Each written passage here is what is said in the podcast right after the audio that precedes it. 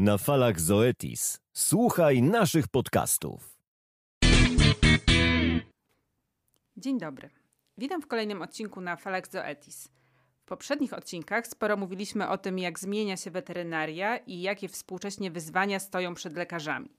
Dzisiaj również poruszymy temat technologii, które jeszcze niedawno zdawały się być daleką przyszłością, a dzisiaj są to procedury coraz szerzej wykorzystywane w hodowli i rozrodzie bydła. Jesteśmy w weterynaryjnym centrum in vitro Bovis Vet w Kosieradach i na temat biotechnologii w rozrodzie bydła będę rozmawiać z założycielem i właścicielem, doktorem Piotrem Skupem. Dzień dobry. Dzień dobry. To zacznijmy od początku. Jak to się stało, że doktor zainteresował się rozrodem i zajął w swojej pracy biotechnologią? Biotechnologia to była jedna z takich powiedzmy szerszych dziedzin, która mnie bardzo interesowała na studiach. Końcówce studiów już bardzo, bardzo mnie to interesowało i już całą swoją uwagę skupiałem e, w tym kierunku. E, łącznie z, z odbywaniem staży, z praktykami zagranicznymi, z odbywaniem stażów w Stanach Zjednoczonych, w takich potężnych centrach, gdzie tych zabiegów i opu i pukań było robionych bardzo wiele oraz e, szkoleń w Brazylii, gdzie, gdzie jakby Ameryka Południowa wiedzie zdecydowanie największy prym, myślę, że no w całym świecie. Jak długo doktor już się tym zajmuje? Tak naprawdę pierwsze próby to zaczęliśmy w 2013-2014 roku.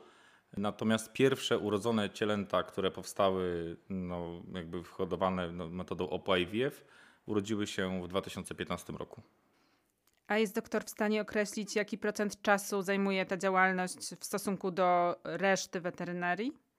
To znaczy, mm, jak, to jest jakby oddzielna działka, tak? Ciężko, ciężko jakby wpleść to w czas, bo to jest zupełnie oddzielna działka, którą należy wyciąć z całej pracy weterynaryjnej, takiej stricte internistycznej bądź profilaktycznej. E, w momencie, kiedy mamy, przeprowadzamy cykle, w momencie, kiedy synchronizujemy zwierzęta, kiedy przygotowujemy się do tego, to jest tak naprawdę cały jeden dzień wyłączony z naszej praktyki i jest przeznaczony tylko dla tego. To ile osób jest zaangażowanych w taką procedurę? Takich niezbędnych osób, które są powiedzmy sobie, mają wiedzę bardzo specjalistyczną, to są trzy osoby, które muszą być, natomiast pełna obsługa to jest tak naprawdę co najmniej pięć osób. Bo są, są potrzebne osoby dwie techniczne, które jakby pomagają przy samym zabiegu pobierania ocytów, no i oczywiście ta główna część laboratoryjna. A czy tylko bydłem tutaj się zajmujecie? E, na ten moment tak. Jesteśmy akurat w trakcie przebudowywania naszego centrum i już y, mamy dość fajne wyniki, y, dość dobre wyniki na y, hodowli embrionów klaczy i robimy to oczywiście w tym momencie na, na próbach rzeźnianych. Natomiast przebudowujemy całą, całą klinikę i niebawem będziemy ruszać również z XI końskim. A wracając do bydła, to jak jest z zainteresowaniem hodowców tym tematem? Czy to zainteresowanie wzrasta? Zdecydowanie tak. Zdecydowanie tak. Jak pierwsze zabiegi, jakie robiliśmy, to robiliśmy oczywiście na naszych zwierzętach, ponieważ mamy tu swoją stację dawczyń i biorczyń embrionów, więc to były pierwsze, pierwsze sztuki, to były nasze. Natomiast w tym momencie myślę, że większość to robimy bardziej usługowo u naszych klientów. No, klientów głównie w całej Polsce, to no, nie tylko naszych, których obsługujemy tutaj powiedzmy na rynku lokalnym, ale też, też w całej Polsce. Yy, więc jakby zainteresowanie jest yy, coraz to większe. A jeśli chodzi o kwestie formalne, to czy to jest tak, że każdy lekarz weterynarii po studiach może założyć e, takie centrum in vitro? To znaczy, wedle prawa e, naszego, lekarz, który ma ukończoną specjalizację rozrodu e, zwierząt i musi mieć założony zespół do embryotransferu. Więc to są jakby wymogi takie prawne. Żeby założyć zespół, oczywiście musi mieć laboratorium. No, tam jest wiele, wiele, wiele, wiele E, różnych czynników, które musi, warunków, które musi spełnić, żeby uzyskać e, pozwolenie i wtedy ma odpowiednio nadany numer takiego centrum pozyskiwania i wtedy oczywiście może działać. Żeby procedura w ogóle działała, to, jest, to są niesamowite tematy. To jest kwestia naprawdę temperatur, wentylacji. Przecież w laboratoriach nawet nie może być wentylacji. W ogóle nic, żadnej. Wysokie pomieszczenia nie mogą być wentylowane. W laboratorium, gdzie hodowane są e, embriony. A ile w Polsce jest takich zespołów? Zespołów jest kilka, pięć, sześć, siedem, tak mniej więcej. Yy, także jest, jest kilka zespołów w Polsce. A mówił doktor, że zainteresowanie wśród hodowców wzrasta. To czy to jest kwestia ostatnich lat, czy to po prostu stopniowo od początku waszej działalności przybywa tych klientów i może jak to wygląda w porównaniu do innych krajów na świecie? To znaczy, jeśli chodzi o nasz kraj, to na pewno jest to, jest to dopiero początek. Natomiast widać e, zdecydowany wzrost na przełomie kilku ostatnich lat, to jest dwóch, trzech lat. E, po pierwsze, z czego to wynika? Wynika jakby z poziomu hodowli. E, I tutaj możemy śmiało powiedzieć, jacy są nasi klienci. Ja sobie zawsze zadawałem pytanie, kto będzie moim klientem, tak? Czy to będzie ferma 100 krów, 200, 500 czy 1000? Okazuje się, że to zupełnie nie ma znaczenia. Klient, który zaczyna y, dbać o genetykę, który idzie w jakość zwierząt, a nie w ilość zwierząt, to jest klient, który powiedział sobie dość, koniec, ja już nie zwiększam hodowli absolutnie o jako, jakiekolwiek inne zwierzę więcej. Czyli to jest y, hodowla, która powiedziała sobie stop, nie zwiększamy, nie rozbudowujemy się, bo powiedzmy są jakieś ograniczenia, czy to jest y, powiedzmy warunki, mówiąc w cudzysłowie, lokalowe, czy ograniczenie, no bo nie mają powiedzmy odpowiedniej obsługi albo dość dużej ilości osób, które są potrzebne, bądź na przykład, nie wiem, ogranicza ich też ziemia, no bo to jest jakby jedno z kluczowych, y, z kluczowych elementów przy hodowli bydła. E, więc to jest więc gospodarstwa, które mówią koniec, nie zwiększamy ilości zwierząt, idziemy w jakość tych zwierząt. Zwierzęta muszą być naprawdę w idealnej kondycji, nie mogą być ani za tłuste, ani nie mogą być za, e, za chude. E, odpowiednia pasza, odpowiednie karmienie tych zwierząt. Co więcej, najważniejsze to, co na początku powiedziałem, czyli komfort tych zwierząt. I okazuje się, że tak, tak samo hodowle, które mają powiedzmy sobie 50 sztuk, czy 30, czy czy 100 sztuk są takim samym klientem, jak te, co mają 500 krów. Czyli hodowca, który sobie, nawet jeśli to jest gospodarstwo indywidualne, rodzinne, nieduże, odpowiedziało sobie na to pytanie: nie, nie zwiększam, to idą w jakość. Bardzo dobrym klientem, który bardzo szybko to rozumie, to jest klient robotowy, y, który mm, no, robot go po prostu ogranicza, tak? On nie jest w stanie wydoić tych krów więcej, więc żeby mieć coraz to lepsze wyniki, uzyskiwać coraz to większe, większe wydajności, coraz to większe uzyski, e, idzie w jakość zwierząt. I tutaj wchodzą parametry powiedzmy szybkości oddawania mleka, na przykład, albo no, mm, no, wydajności, oczywiście szybkości oddawania mleka, nawet temperamentu zwierząt. E, więc no, staramy się jakby tym hodowcom doradzać, w którą stronę iść. Mamy też oczywiście, tak jak już wcześniej powiedziałem, e, stację dawczyń, e, gdzie, gdzie mamy, mamy świetne zwierzęta, kupione również, również na aukcjach e, w całej Europie, wybitne sztuki, od których można, hodowcy mogą sobie, te, mogą sobie kupić gotowe embriony. A czy w takim razie zauważalne jest w wyborze kierunku tego postępu genetycznego, że zwraca się uwagę już nie tylko na wydajność, ale również mocno na y, zdrowotność zwierząt? Jak najbardziej. Na, na, w tym momencie, to tak jak powiedziałem, na przełomie tych dwóch, trzech lat przede wszystkim widać, jaki jest trend. Trend jest produkcji mleka A2A2. Więc jakby tutaj mm, wiadomą rzeczą jest, że to jest kwestia wyłącznie genetyki tych zwierząt. Więc jest to najszybszy sposób uzyskania jakby hodowli, uzyskania stada, y, które będzie produkowało to mleko A2A2. Więc y, dzięki temu jakby no, bardzo, bardzo znacznie to przyspieszamy. Tak? Nie, nie, nie musimy e, za pomocą przemiany pokoleń i wypierania tego, tego genu A1, A1, tylko bardzo szybko jesteśmy w stanie za pomocą embryotransferu, za pomocą y, zarodków jesteśmy w stanie uzyskać to stado A2A2. A za granicą w jakich krajach najwięcej się robi tego? Oczywiście Stany Zjednoczone, jeśli mówimy tutaj o rasie holsztyńsko-fryzyjskiej, mlecznej, zdecydowanie. Natomiast jeśli mówimy o bydle mięsnym albo w ogóle o ilości sztuk, to Ameryka Południowa. I są, no, na pewno przodują. Na pewno przodują. Jeśli mówimy o rynku europejskim, no to jak najbardziej Zachód, tak? Czyli Niemcy, Holandia. To zdecydowanie, jeśli mówimy o bydle, to to jest y, to, to oni zdecydowanie są tutaj dużo, dużo, dużo przed nami. No właśnie, a jeśli mówimy o rasach, to z jednej strony jest bydło mleczne, a czy ma doktor również klientów, którzy hodują bydło mięsne? Mieliśmy w swojej, swojej stacji dawczyń y, zwierzęta czysto rasowe mięsne. Mówię tutaj o, o rasie Wagyu. Y, mówię tutaj o rasie czystej, czystej Belgian Blue. I te też rzeczywiście tak, y, mm, też, też embriony sprzedawaliśmy. No, no, klient jest coraz bardziej wymagający i klient jest coraz bardziej szukający jakby super jakości, tak? Jeśli mówimy o bydle mięsnym, no to wiadomo, że jakby świetną jakością mięsa jest mięso wołowina od zwierząt właśnie ta marmurkowa, czyli tej rasy Wagyu i tutaj też genetyka odpowiada za marmurkowatość y, tej struktury tych, tych mięśni, tak? Czyli jeśli mięsne, to raczej też takie premium bydło mięsne. Dokładnie tak, dokładnie tak. A co wpływa na opłacalność? Bo pewnie jest wiele takich osób, które mówią, że to się nie opłaca. No więc jakie warunki muszą zostać spełnione, żeby się opłacało? Mm, to znaczy, to się, oczywiście opłaca się zawsze, tak? Bo to jest. Y, to bardzo łatwo sobie to wytłumaczyć i mm, genetykę bardzo łatwo widać w stadzie. Jeśli hodowca tak naprawdę nie ma znaczenia jaki, czy to jest hodowca, który produkuje 30, czy 50, czy 100 sztuk, no to te zwierzęta żyją w tych samych warunkach w danym gospodarstwie, y, jedzą dokładnie to samo i teraz y, okazuje się, że jedne produkują taką ilość mleka, inne produkują mniejszą. Więc hodowca, który jest świadomy, odpowiada sobie na pytanie, to po co ja mam trzymać 30, 50 czy 100 krów produkujących ilość mleka X, jak mam pojedyncze krowy, które produkują 2X? Więc dążmy do tego, żeby moje zwierzęta wszystkie były w cudzysłowie te 2X.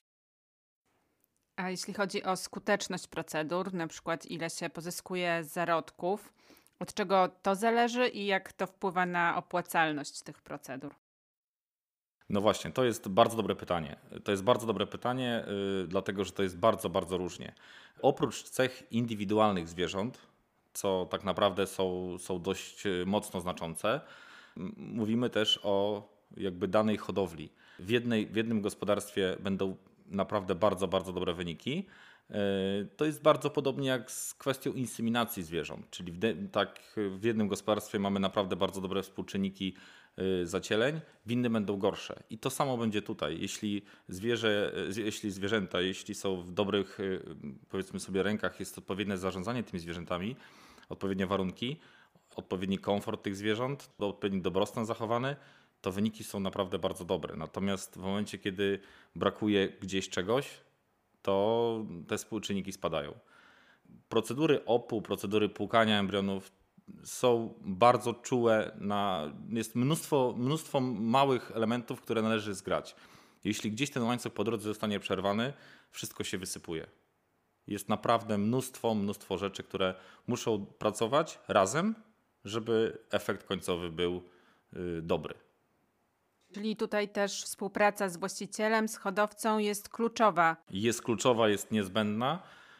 Y, ścisła, dobra współpraca no, najlepiej oczywiście, jak, jak hodowca robi to sam albo ma, ma kogoś zaufanego, bo mieliśmy naprawdę różne, bardzo różne historie, gdzie y, no, no, naprawdę wynikały niepowodzenia z, z błędów ludzkich i jakiegoś tam niedopatrzenia.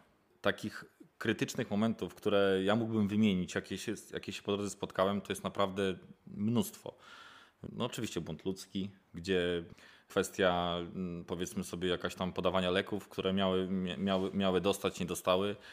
My staramy się kontrolować proces na całym etapie, czyli badamy te zwierzęta bardzo często i jesteśmy w stanie, czy jeśli mówimy na przykład o płukaniu embrionów, to jesteśmy w stanie stwierdzić ile jest tych pęcherzyków, kiedy one zawolowały, czy zawolowały i tak dalej, i tak dalej, i tak dalej. I okazuje się, że mieliśmy taką sytuację kilka lat temu.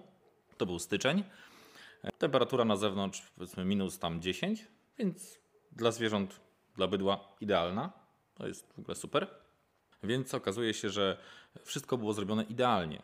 Świetna reakcja na, na podane leki, e, owulacja, duża ilość pęcherzyków, owulacja w czas. I to było, to było do klasycznego płukania embrionów. Inseminacja, jak powiedziałem, zawolowały w czas, więc czekamy te 7 dni na płukanie. Okazuje się, że po 7 dniach wypłukujemy rzeczywiście dużo tych embrionów.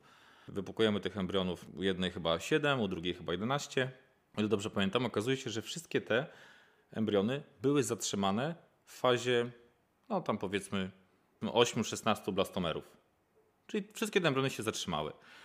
No i bardzo nas to zdziwiło, właśnie zaciekawiło, o co tu chodzi, dlaczego tak jest, z czego to wynika. Ten etap, który kontrolowaliśmy, no wszystko wyglądało bardzo dobrze. To jest właśnie to, co powiedziałem na początku. Dla nas ważne jest to, dlaczego się nie udało, niż dlatego, że niż, niż to, że z hura optymizm fajnie poszło. Nie? I okazuje się, że mieliśmy taką sytuację, że obora była tak skonstruowana, że zwierzęta miały twardy kanał, powiedzmy, rusztowy przy samym stole paszowym i resztę, reszt, i to było wewnątrz budynku, natomiast na zewnątrz budynku były wybiegi, gdzie one sobie tam spały, odpoczywały i tak dalej, i tak dalej. W momencie, kiedy spadła temperatura do minus 10 stopni, pracownik wszystkie te zwierzęta wgonił na ten twardy ruszt i zamknął, żeby nie mogły wyjść na, na wybiegi tam, gdzie zawsze się kładły. Co się okazało? Ten stres, to wszystko doprowadziło do tego, że w tym momencie, kiedy on je wgonił, to był akurat tam drugi, trzeci dzień, więc w tym momencie te embriony się po prostu zatrzymały. U wszystkich tych, co mieliśmy, pukaliśmy u tych dwóch, to były dwie sztuki, embriony się zatrzymały dokładnie na tym samym etapie, one już nie ruszyły. A czy zawsze jesteście w stanie stwierdzić, z czego wynikało dane niepowodzenie? Staramy się jakby dochodzić do tego, tak? No bo dla nas ważniejsze jest to, dlaczego danej oborze, dla danej y, dawczyni procedura się nie powiodła albo wyniki były dość słabe, niż powiedzmy hura optymizm i, i świetne wyniki. No te, także dla nas najbardziej istotne jest to, żebyśmy mogli znaleźć jakieś wspólne rozwiązanie i, i doprowadzić do tego, żeby uzyskać jak najwięcej tych, tych cieląt od tej danej sztuki. No mamy oczywiście już odpowiednie procedury wypracowane, mamy odpowiednie schematy przyjęte, którymi się posługujemy mm, i które proponujemy hodowcy, gdzie często łączymy na przykład te dwie metody biotechnologii, czyli OPU z embryotransferem, z płukaniem, przepraszam, OPU z płukaniem. Bardzo często łączymy je na danym gospodarstwie. Zwykle zaczynamy, jeśli zwierzęta są genomowane, to zależy hodowcy, żeby jak najszybciej uzyskać kolejne pokolenie, a pobieranie oocytów jesteśmy w stanie uzyskać od zwierzęcia bardzo młodego. Mówimy tutaj o jałówkach 7-8 miesięcznych, więc już jesteśmy w stanie kolejne pokolenie od nich uzyskać. To jest jakby ogromna, niesamowita przewaga OPU nad klasycznym płukaniem. Co więcej, możemy uzyskiwać komórki jajowe od zwierząt, ocyty od zwierząt cielnych, będących w ciąży. I to jest, uważam, jedna z głównych jakby zalet albo przewag nad klasycznym płukaniem ponieważ nie, po pierwsze te zwierzęta nam się nie starzeją, co jest bardzo istotne w hodowli bydła mlecznego. Poza tym nie wydłużamy okresu międzywycieleniowego. Jeśli to są zwierzęta w produkcji, to w, w klasycznym płukaniu embrionów, no niestety te zwierzęta nie mogą być cielne i jeśli chcemy taką świetną dawczynię wypłukać 2-3 razy, to ten okres międzywycieleniowy nam się bardzo wydłuża. Co oczywiście wiadomo niesie za sobą pewne konsekwencje. Natomiast w momencie, kiedy korzystamy z tej najnowocześniejszej metody biotechnologii, czyli OPU, to jesteśmy w stanie taką od tej cielnej krowy, która już sobie dalej ten cykl jakby produkcyjny jest zachowany, dodatkowo uzyskujemy oocyty produkujemy embriony i jesteśmy w stanie jakby dodatkowy odzysk tych ciąż uzyskać w jednej laktacji. Macie jakieś rekordzistki? Ile cieląt od jednej krowy? Najlepsza, najlepszą naszą dawczynią, no już niestety nieżyjącą, była, była dawczyni, która, którą przywieźliśmy z Holandii. To mieliśmy uzyskanych ponad 178 ciąż. 178 ciąż było uzyskanych y, od niej, potwierdzonych, natomiast urodziło się cieląt coś, nie, chyba niecałe 150. To jeszcze jeden aspekt, jeśli chodzi o skuteczność i opłacalność. Czy jest jakaś granica ilości pozyskanych embrionów, powyżej której mówicie, że procedura zakończyła się sukcesem? Średnio możemy przyjąć, że z jednego cyklu od jednej dawczyni uzyskujemy 2-3 embriony.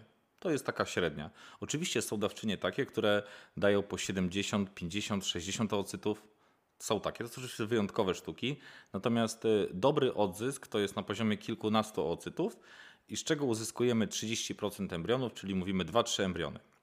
Wydaje się, że to jest niedużo, natomiast procedurę OPU przeprowadzamy co dwa tygodnie, a możemy nawet robić ją co tydzień. Natomiast y, my cały schemat naszej pracy mamy zaplanowany w ten sposób, że przeprowadzamy ją co dwa tygodnie, więc jeśli mówimy tutaj o takim regularnym pobieraniu tych oocytów, więc tak naprawdę w bardzo krótkim czasie, powiedzmy sobie nawet tych 10, 10 cykli, no jesteśmy w stanie uzyskać 20-30 embrionów od jednej, y, jednej tej dawczyni. Także wtedy wynik uznajemy za, za, za dobry, zadowalający. To na koniec jeszcze zmienię temat. Czy nie obawiacie się, że w związku z pojawiającymi się różnymi naciskami, z błędnym postrzeganiem przez niektóre środowiska w ogóle hodowli zwierząt, ale też y, sterowania rozrodem, że ktoś będzie chciał zablokować rozwój biotechnologii w hodowli bydła? Myślę, wydaje mi się, że nie, bo to jest y, to tak naprawdę no, jest to procedura, jest to y, znaczy procedura i cały schemat działania jest identyczny jak w przypadku ludzi, prawda? Y, my możemy powiedzieć, już tak mówiąc z czysto względów etycznych, my idziemy nawet dalej, dlatego że my wykorzystujemy pełen potencjał tych zwierząt, więc nam zależy, żeby uzyskać jak najwięcej i wszystkie nasze embriony zostają, zostają wykorzystane, nie tak jak w przypadku powiedzmy opu i, i, i w hodowli embrionów ludzkich. Więc wydaje mi się, że nie. Natomiast y, hormony, które są używane, to, to, to, są, to, to nie mają żadnych tam pozostałości w tkankach, więc wydaje mi się, że nie powinno być tutaj żadnego problemu. Poza tym my bardzo dbamy o to, żeby te zwierzęta po pierwsze były w warunkach jak najbardziej komfortowych, są znieczulane, uspokajane, więc tutaj nic złego się na pewno z nimi nie dzieje. Nie mieliśmy żadnej sytuacji takiej, żeby jakiekolwiek zwierzę miało jakąkolwiek komplikację, czy to się nie zacieliło nawet, a już nie mówimy o jakichś tam poważniejszych sytuacjach. Jeszcze jest jedna bardzo ważna kwestia, że e, tak naprawdę my przy procedurze OPU IVF w ogóle nie ma absolutnie konieczności stymulacji tych zwierząt. My wykorzystujemy naturalny ich cykl, czyli tak zwaną tą falę wzrostu pęcherzyków, więc jesteśmy w stanie dzięki temu, że te pęcherzyki cały czas wzrastają na tych jajnikach, czy to jest y, zwierzę jest w ciąży, czy też nie, to te pęcherzyki cały czas się pojawiają, te fale cały czas wzrastają, więc my po prostu wykorzystujemy naturalny, naturalny wzrost pęcherzyków, który występuje u bydła. A jaka jest przyszłość? Coś nowego się jeszcze pojawi? Jak doktor myśli? Ja myślę, że przyszłość, jeśli mówimy o bydle, to jest na pewno doskonalenie metody. Na pewno to jest jakby, będziemy szli na pewno w kierunku właśnie doskonalenia tych zwierząt. Powstają coraz to nowe indeksy. Pracujemy ściśle na przykład z amerykańskimi e, laboratoriami, które badają e, między innymi już jakby kolejne parametry, parametry wykorzystania pasz. Tak jak wrócimy do początku naszej rozmowy, gdzie mówiłem o tym, że w danym gospodarstwie zwierzęta jedne produkują więcej, drugie produkują mniej. Okazuje się, że tak. I teraz jeśli porównamy te dwie najbardziej powiedzmy wydajne krowy w danym stadzie, to okazuje się, że jedna z nich potrzebuje dużo mniej paszy na wyprodukowanie takiej ilości mleka niż, niż ta druga, prawda? Więc dla nas cenniejsza jest ta, która mm, do wykorzystania odpowiedniej ilości e, powiedzmy mleka potrzebuje mniej paszy, dzięki temu też produkuje mniej CO2. E, no oczywiście jest też mm, ekonomicznie to uzasadnione, no bo wiadomo rzeczą jest, że jest tańsza w utrzymaniu i koszt produkcji jakby litra mleka jest, jest niższy. Więc jakby te mm, badania cały czas trwają i coraz to więcej jest odkrywanych nowych, y, nowych rzeczy, nowych jakby takich cech jakościowych, nowych cech jakościowych tych zwierząt. I uważam, że to jest, to jest przyszłość. Na falach Zoetis. Dla zwierząt, dla zdrowia, dla ciebie.